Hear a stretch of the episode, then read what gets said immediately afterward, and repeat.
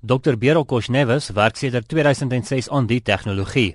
Die drukker het aanvanklik bestaan uit 'n een eenvoudige spuitkop wat net 'n muur met 'n beperkte hoogte en dikte kon bou. Hy het agter die metodes en drukker oor die afgelope 8 jaar verfyn. Hy het tydens 'n onlangse tegnologie en ontwerpkonferensie in Suid-Kalifornië deur middel van 'n video-opname sy prototipe 3D-drukker gedemonstreer. Die drukker het 'n muur laag op laag gebou met behulp van 'n digte, hoë prestasie beton wat by 'n opening uitvloei. In the process a lot of things can be done, including automatic reinforcement, automatic plumbing, automatic electrical network installation. And once the basic structure is done, there could be other automated processes that would do auxiliary operations such as finish work, tiling, and even painting using inkjet printers, the kind that print uh, the billboards. So in the end, the whole building can be ready uh, in an unprecedented time.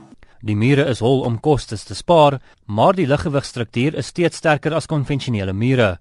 Hy sê die huise kan steeds met vloeiende lyne en kurwes ontwerp word en hoef nie vierkantig te wees nie. What we are hoping to generate are entire neighborhoods that are dignified at a fraction of the cost, at a fraction of the time, far more safely with architectural flexibility that would be unprecedented.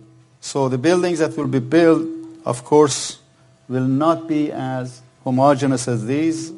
Every building can be very different. They do not have to look like track houses because all you have to change is a computer program. The architectural design is basically sent to the machine uh, directly. 'n Argitek van Johannesburg, Mark Gous, sê die tegnologie gaan dit moontlik maak vir argitekte om meer komplekse huise te bou in 'n baie korter tydperk. It will create a lot more flexibility. Our first I thought it's uh, just going to have flat uh, and straight walls compared to most of the new technologies that you're getting, lightweight steel structures or, or panel construction methods. This, this allows for flexible curved walls, dome walls, virtually any shape that you can think of and construct on, on computer would you will be able to build with this. This is machinery literally sprays uh, or pours a, a liquid that cures very quickly into any possible shape that you can think of. Kosneva sê die tegnologie kan nie net sterftes en beserings aan diens voorkom nie, maar ook meer werksgeleenthede skep. Currently, women and the elderly do not have much opportunity to work in the construction industry. With new technologies like contour crafting, those groups of people can also be employed in more creative activities of construction.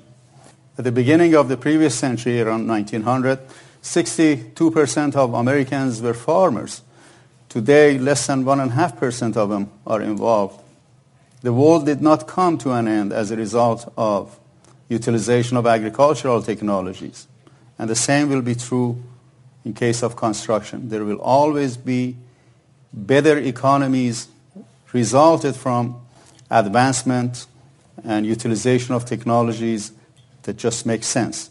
Navorsers ondersoek ook die moontlikheid om die tegnologie aan te wend om wonings en ander strukture op ander planete te bou. Dit is nie seker wanneer hierdie tegnologie op groot skaal geïmplementeer gaan word nie.